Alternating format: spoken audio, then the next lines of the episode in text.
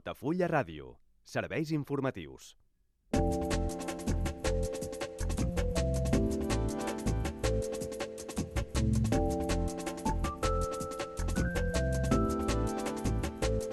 El ple de l'Ajuntament d'Altafulla aprova un pressupost de 10,8 milions d'euros pel 2024. La proposta de l'equip de govern municipal d'Eina i Junts per Altafulla ha estat rebutjada per tota l'oposició amb els vots en contra de PSC i Alternativa Altafulla.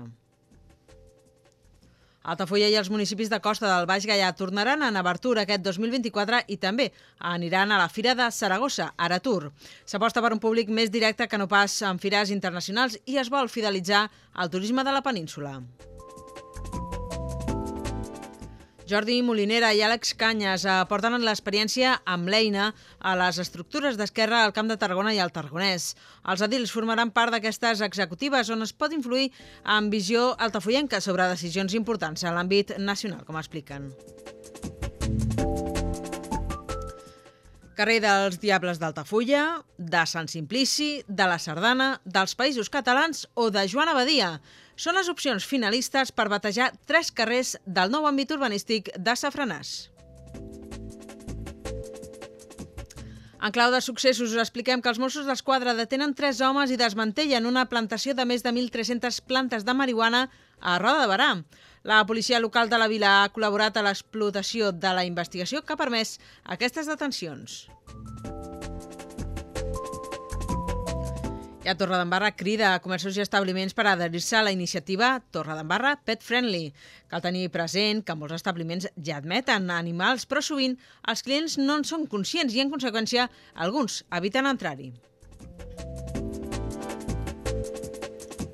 El govern català celebra que s'hagi obert la licitació per fer el projecte de la planta per regenerar i reaprofitar l'aigua de la depuradora de Reus.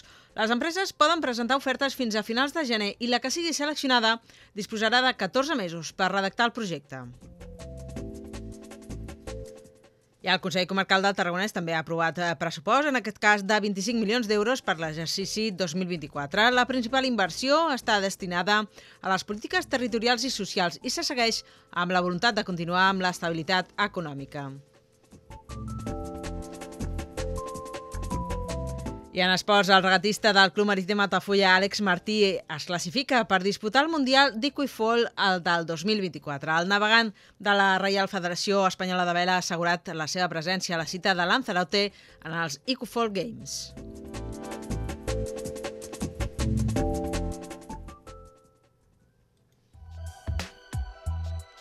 Altafulla Mar Hotel. Esdeveniments familiars, comunions, batejos i casaments i reunions d'empresa. Sales privades amb llum natural, terrassa i accés al jardí, des de 10 fins a 200 assistents. Altafulla Mar Hotel, el teu espai de confiança per a les teves celebracions familiars al barri marítim d'Altafulla. Demana pressupost sense compromís trucant al 977 65 11 55. Altafulla Mar Hotel. Altafulla Mar Hotel patrocina l'informatiu.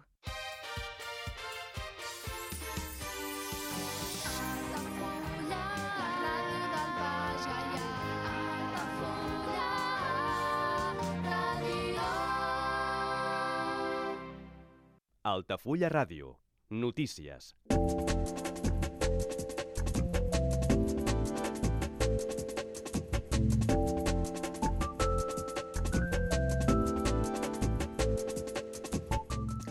El ple de l'Ajuntament d'Altafulla ha aprovat els pressupostos per l'exercici 2024 a la sessió extraordinària que s'ha dut a terme aquest divendres al migdia a la sala de, plens del consistori. La proposta, que presentava un total de 10,8 milions d'euros, ha estat aprovada amb els vots a favor dels dos grups de l'equip de govern, l'Esquerra Independentista d'Altafulla, Esquerra Republicana, l'EINA i Junts per Altafulla, i amb els vots en contra dels edils de l'oposició, Alternativa Altafulla i el Partit dels Socialistes de Catalunya, PSC. El regidor d'Hisenda, Dani Franquès, estat l'encarregat d'exposar els punts més importants que es presentaven en aquests comptes, dels quals ha dit que són equilibrats i ajustats, destacant partides noves destinades a millores a la platja o bé inversions per afavorir l'eficiència energètica en equipaments públics i poder, i poder reduir el consum municipal. Igualment ha demanat disculpes als representants de l'oposició per la manca de temps que hi ha hagut per negociar-los. Una de les inversions més importants d'aquest exercici 2024 és la de la bassa de laminació eh, de Baix a Mar. No? També, depenent de, de la subvenció que pugui venir de la Diputació tipus POSC o PAM, doncs determinaríem futures inversions i d'aquí també eh, aprofito doncs, com ja ho vaig comentar en les reunions que vaig tenir amb els, aquí, amb els grups de, de l'oposició, que si hi ha alguna proposta que amb el, poc temps, amb el poc temps que hem tingut ara per fer-les, perquè sí, ja és veritat, hem tingut poc temps per, per revisar la documentació, tal com he comentat, el pressupost és, és un element viu, és una eina viva i, per tant, qualsevol proposta serà benvinguda el pressupost d'enguany, com han explicat des del govern, ha presentat notables dificultats pel decalatge de 800.000 euros entre despeses i ingressos i pel fet que es venia d'uns comptes prorrogats del 2022. La manca de temps per negociar-los amb l'oposició ha estat un dels elements que ha argumentat tant Alternativa com el PSC per votar en contra, ja que lamenten no haver tingut oportunitat d'estudiar-los convenientment ni fer-hi aportacions. Ima Morales justifica així la seva negativa als comptes. Per mi aquest pressupost eh, no està fet per les nostres intencions que tenim. I, bueno, mm, hi ha moltes coses també que també vam discutir amb el Dani, però, com he dit al principi, no hem pogut negociar res. Li, els hi vam fer alguna proposta, però no hem arribat a temps. El regidor d'Alternativa Altafulla, Francesc Ferrer, ha lamentat l'increment del deute que es preveu tenir a finals d'any i que pujaria fins al 13% i ha tret pit de la gestió anterior del seu grup. Ara en només pocs anys i arribem al 13 i veurem, perquè hi ha coses que s'han de fer i segurament sí que s'hauran de fer amb endeutament. Però ja estem incrementant el deute, que cal dir que moltes vegades eh, es pensa que el romanent és el que ho salva tot, i quan el deute va creixent, no tot es podrà destinar a despesa corrent, perquè hi haurà una part que haurà de ser destinat a aixugar el deute. Cal dir les despeses financeres de 8.157 euros que pagàvem fins ara, ara pagarem 49.493 al deute públic amb els interessos i l'amortització de 103.000 euros del pressupost 138.000 euros va destinat al deute públic.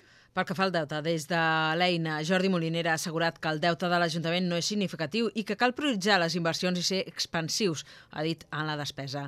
Així, valora que el consistori té una bona salut financera i celebra poder tenir un pressupost en vigor.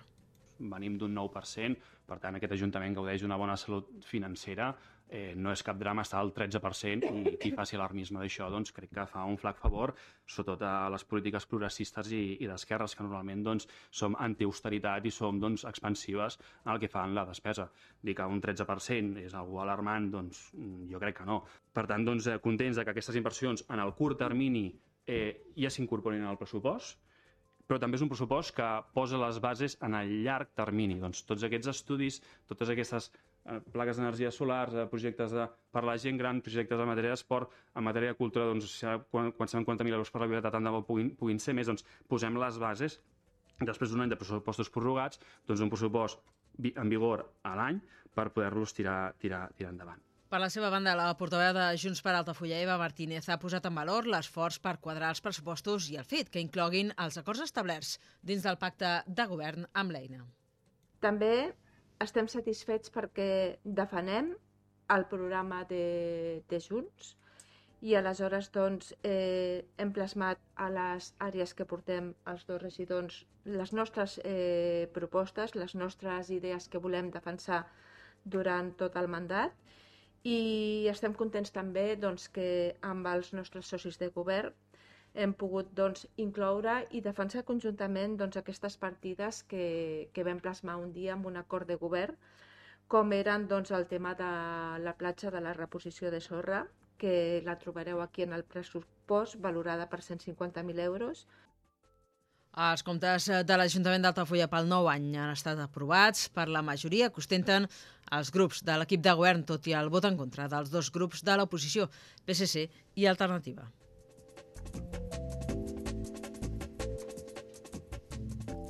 I Altafulla i els municipis de costa del Baix Gaià tornaran a Navartur aquest 2024 i també eh, doncs, han decidit anar a la Fira de Saragossa, que es diu Aratur.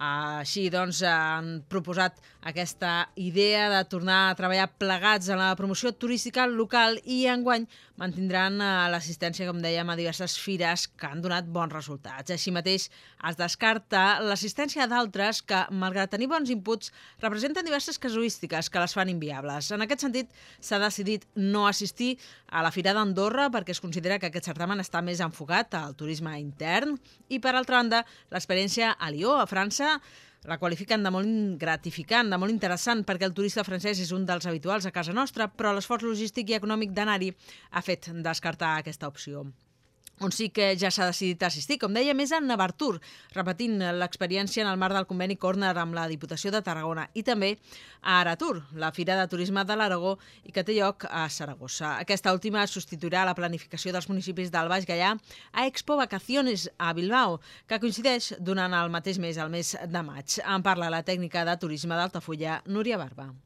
Que aquest any tornem a anar a, a Pamplona, a Navartur, de la mà sota el paraigües, diguéssim, del Patronat de Turisme de la Diputació, i, i després volem anar mm, per al nostre compte, vull dir, solitari, amb un stand, eh, en comptes d'anar a Expo Vacaciones al, a Bilbao, que és al, a principis de maig, hem apostat per fer eh, aquest any com a prova una altra fira que em sembla molt interessant, que és la d'Aratur, a Saragossa, que és també al maig. Llavors, en comptes d'anar a totes dues, doncs farem la d'Aratur a Saragossa al maig, a finals de maig. És un client que ens interessa molt, ens conèixer i, i s'ha de fidelitzar i sobretot que coneguin la part nord de la província de Tarragona. Barba ha explicat en aquesta emissora que el Consorci de Municipis aposta per fidelitzar el públic i potencial visitant de la zona nord del Tarragonès. Un públic que sovint ja coneix aquests pobles del Baix Gallà, però el que cal fidelitzar i fer que es decideixin a fer les seves estades de vacances aquí. Això en contraposició a un target com el de les grans fires, on els turoperadors tenen més pes, en contraposició al públic directe que cerca atraure Altafulla, com assenyala Barba. Tenim un, un target de gent que, que ens coneix, però és bastant propera, sobretot mm, turista francès, turista espanyol, nacional, llavors, creiem que hem de fer una aposta més propera que no pas a assistir a fires a Londres, a... perquè aquest és un públic no directe i és més per operadors, tenint en compte que aquí és més client directe, a segones residències, apartaments turístics, eh, càmpings... Creiem que l'aposta nostra és sí, està present de la mà de la Diputació, però a l'hora d'assistir a fires, assistir a fires més properes que, que ens conegui directament el client final, saps? més que el tour operador. Els municipis de Costa del Baix Gaià han fet balanç de les accions dutes a terme aquest 2023 i han posat sobre la taula les previsions pel 2024 en una reunió celebrada aquesta setmana i a la qual han participat representants de Tarragona, Altafulla, Torredembarra, Creixell i Roda de Barà.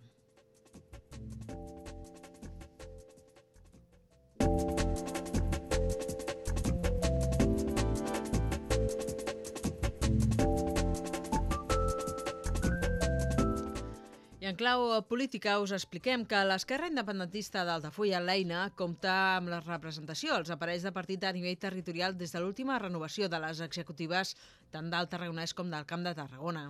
Jordi Molinera entra a formar part de la Junta de la Vegueria, mentre Àlex Canyes ho fa a la comarcal. Es tracta d'una representació en òrgans de decisió del partit a nivell territorial, cosa que després té la seva influència a la definició de les polítiques de partit al país, com ells mateixos destaquen. Molinera considera important tenir aquesta influència tant pel que fa al territori com específicament pel que fa al municipi. L'actual alcalde de la vila apunta un parell d'exemples en els quals Altafulla té interès en dir-hi la seva, com per exemple les línies d'alta tensió o bé la gestió del litoral.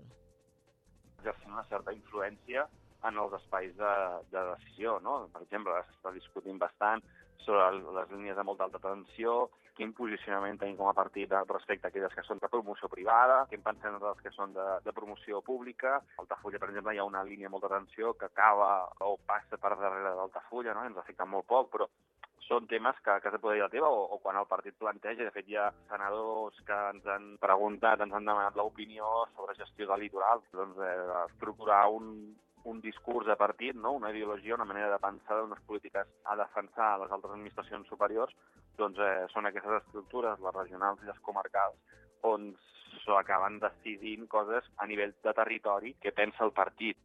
A la mateixa línia s'ha expressat Àlex Canyes, qui valora positivament l'oportunitat de deixar palesa a la comarcal les inquietuds del territori del Baix Gaià i d'Altafulla. Considera que és important tenir representació tant en aquests àmbits de decisió del partit com en les administracions, ja sigui en el Consell Comarcal, amb Gemma Maimó, com a la Diputació, que en aquest mandat comptarà també amb Molinera com a diputat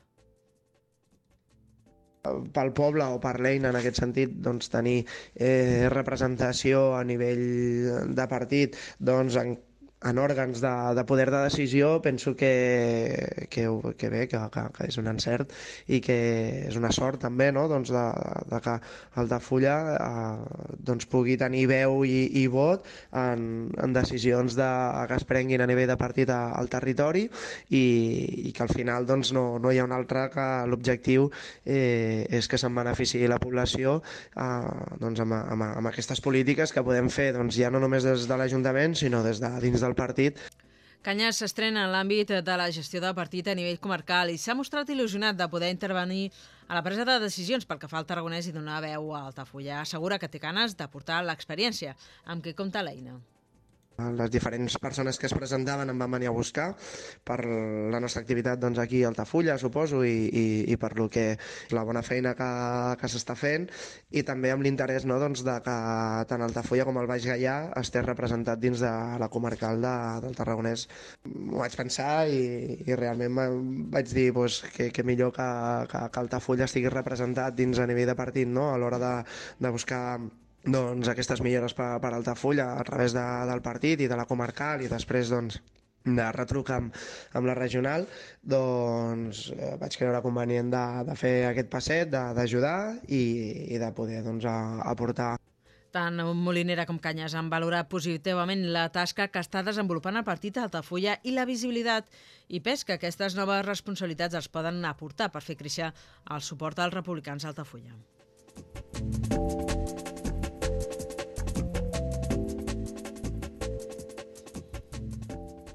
I una entitat de cultura popular, com són els Diables d'Altafulla, un lloc de la nostra contornada, com Sant Simplici, la més vella de les danses que es fan i es desfan, com és la sardana, un territori, com els Països Catalans, o el nom de l'actriu, rapsoda i directora de teatre altafollenca Joana Badia, són els noms que opten a ser escollits per batejar un carrer del nou àmbit urbanístic de Safranàs. Són cinc opcions, de les quals n'han quedat només n'han de quedar només tres, ja que és aquest el nombre de carrers que hi ha en aquesta futura àrea d'habitatges i d'esbarjo a tocar del riu Gallà, al límit amb el terme municipal de Tarragona. Es tracta d'un procés participatiu iniciat amb una plosa d'idees oberta a tota la ciutadania, de la qual en van sorgir una trentena de propostes que ara han derivat en cinc finalistes.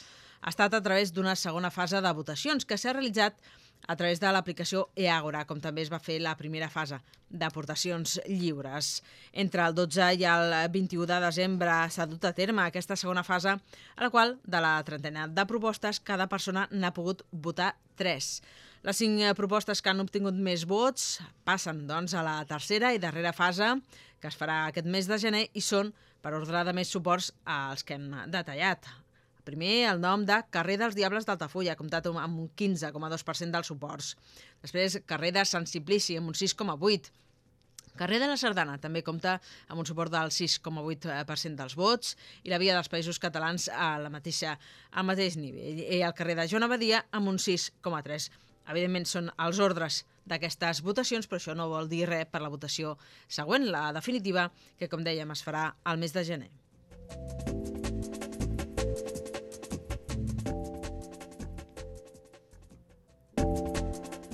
I obrim ara plana de successos perquè els Mossos d'Esquadra, amb la participació d'agents de la policia local de Roda de Barà, han detingut aquest dimecres a tres homes de 29, 31 i 39 anys com a presumptes autors dels delictes de pertinença a grup criminal contra la salut pública i defraudació del fluid elèctric. L'entrada i escorcoll a els habitatges que s'han eh, escorcollat s'ha saldat amb la detenció de tres homes responsables de la plantació, així com el desmantellament de més de 1.300 plantes de marihuana amb un valor aproximat d'uns 300.000 euros. També han intervingut 1.400 euros en efectiu, 49 ventiladors i 4 compressors. D'altra banda, els agents han comprovat que dins de la nau havien construït una segona estructura metàl·lica per crear un espai altament aïllat i així evitar l'emissió exterior d'olors i també de sorolls. El grup criminal també havia habilitat un pis distribuït en diverses estances on hi havia prop de 1.000 torretes i 163 focus d'il·luminació LED valorats en més de 100.000 euros. Els investigadors consideren que aquesta gran inversió material elèctric acredita més creix la sofisticació del grup criminal que tenia com a objectius reduir els consums i a la vegada evitar aixecar sospites als cossos i forces de seguretat. La investigació continua oberta i no es descarten noves detencions. Els arrestats passaran a les pròximes hores a disposició del jutjat d'instrucció en funció de Guàrdia del Vendrell.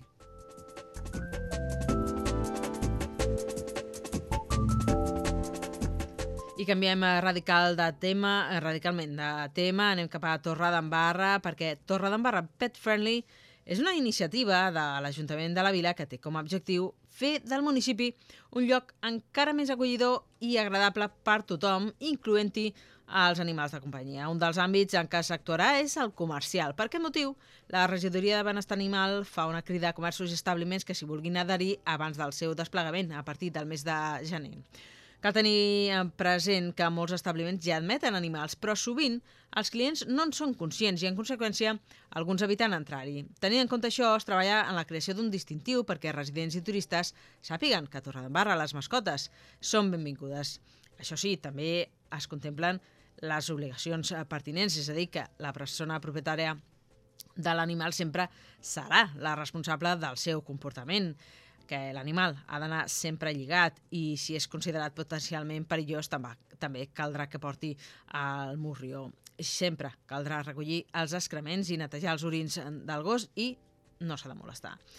La regidora de Benestar Animal, Angie Muñoz, ha explicat que des d'una perspectiva comercial, permetre l'accés a les mascotes resulta no només una pràctica acollidora, sinó també una decisió més rendible. Els clients se senten còmodes, cosa que a la llarga augmenta la probabilitat que tornin, diu.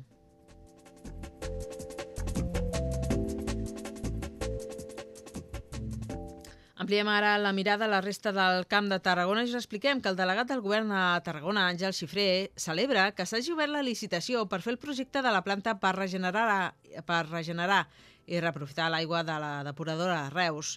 Adverteix, però, que encara trigarà més de dos anys en ser una realitat i que les pròximes campanyes de rec encara seran complicades. La redacció del projecte té un preu de sortida de 181.000 euros. A més de la planta de regeneració, s'haurà de preveure tot el sistema de canonades per fer arribar l'aigua als regants. Les empreses poden presentar ofertes fins a finals de gener i la que sigui seleccionada disposarà de 14 mesos per redactar el projecte. El delegat ha destacat que es tracta d'un pas important per donar resposta a la necessitat d'aigua de rec del Baix Camp, ara que els pantans estan buits. És una notícia molt important per tot el Camp de Tarragona i sobretot per la comunitat de regants del, del pantà de Riu de Canyes, que en aquests moments doncs, eh, té el pantà pràcticament buit. De fet, aquest estiu no han pogut fer campanya de rec, perquè també l'altre sistema, l'altre pantà del sistema és el pantà de Siurana i també estava buit. I com a govern doncs, comencem a iniciar els tràmits per poder utilitzar l'aigua regenerada com a aigua també per, per ús agrícola.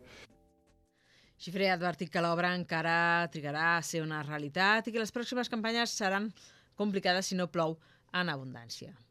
Arrencar la maquinària doncs, costa, de fet eh, estem en aquesta fase, llavors de moment doncs, el que hem de fer doncs, és aquest, aquesta campanya que ve serà molt complicada, si no rega, i tots ho sabem, i la següent campanya doncs, possiblement també, però hem de treballar amb la perspectiva, crec jo, de tres anys vista solucions màgiques no n'hi ha. Eh? L'única solució màgica que hi ha és que vingui una llevantada i ens ompli els pantans. Eh? Aquesta... Fa dos anys que, quan es va començar a parlar de la iniciativa, el cost de l'actuació s'estimava en 28 milions d'euros. Arran dels increments de preus que hi ha hagut des de la guerra a Ucraïna, Xifré no s'ha atrevit a pronosticar el preu que tindrà finalment.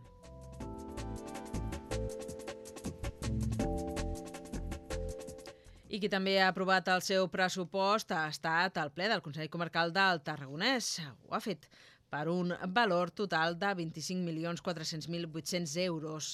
Aquest eh, pressupost eh, s'ha aprovat amb els vots a favor de PSC, de Junts per Catalunya, també en Comú Guanyem, i Esquerra, i les abstencions dels grups comarcals de Partit Popular i CUP Amunt i els únics vots en contra del grup eh, d'ultradreta Vox. Amb l'aprovació d'aquest eh, pressupost, el Consell referma, diu, la seva vocació per eh, servir a les persones i als municipis del Tarragonès, a més de voler mantenir la línia d'estabilitat iniciada en exercicis anteriors. La institució, la institució comarcal dona servei a 22 municipis aquí al Tarragonès, especialment els més petits, els quals es poden beneficiar de diferents serveis mancomunats que ofereix l'ENS supracomarcal. Dues de les àrees que tenen més pes a l'estructura pressupostària del Consell Comarcal del Tarragonès són els departaments de Benestar Social i d'Ensenyament. I la partida més important, perquè fa els ingressos del Consell Comarcal de Tarragonès de cara al 2024, vindrà donada de les transferències corrents que corresponen a la prestació precisament d'aquests serveis transferits bàsicament per part de la Generalitat. A partida suma 24.700 euros, cosa que representa el 97,33% el pressupost total, 20, 24 milions 700.000 euros, volíem dir.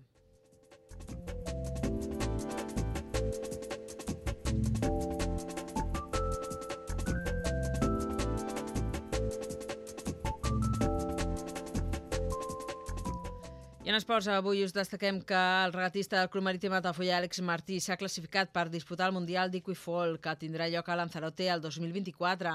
Una fita més per un dels millors esportistes de l'entitat i un dels que té més projecció internacional en aquesta modalitat que està en auge i que creix any rere any. Estarà entre els millors del món. Martí ha assegurat la seva plaça a la cita mundial gràcies a l'actuació que ha fet en els Equifol Games, que també s'han disputat a Lanzarote. En aquest cas, el director tècnic del Club Marítim Altafulla, Marc Collado, ha dit que és una satisfacció per l'entitat, sobretot perquè la competició es presentava amb moltes dificultats. I Martí, doncs, ha sabut adaptar-se amb elles molt, molt contents eh, d'aquest eh, nou, nou assoliment que, que ha tingut l'Àlex, no? de, de poder arribar i aconseguir aquesta plaça, sobretot amb una regata a Zico Games, que es presentava molt difícil i es, ho parlàvem amb ell, que ell veia molt de nivell, regates amb condicions molt canviants, gent molt bona eh, i al final poder arribar i dir que el CM Altafulla té eh, una plaça, o no té una plaça, però té un navegant entre els 150 millors navegants d'IQ, és, és algo molt, molt positiu.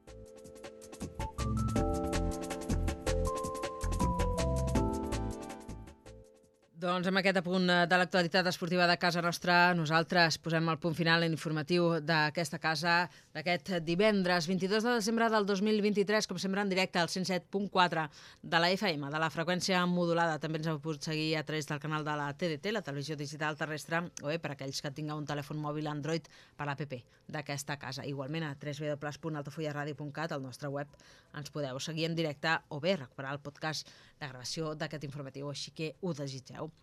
Res més, des d'aquí, des dels estudis del carrer Marquès de Tamarit d'Altafulla, tot l'equip que fem possible aquest programa us saluda ben cordialment.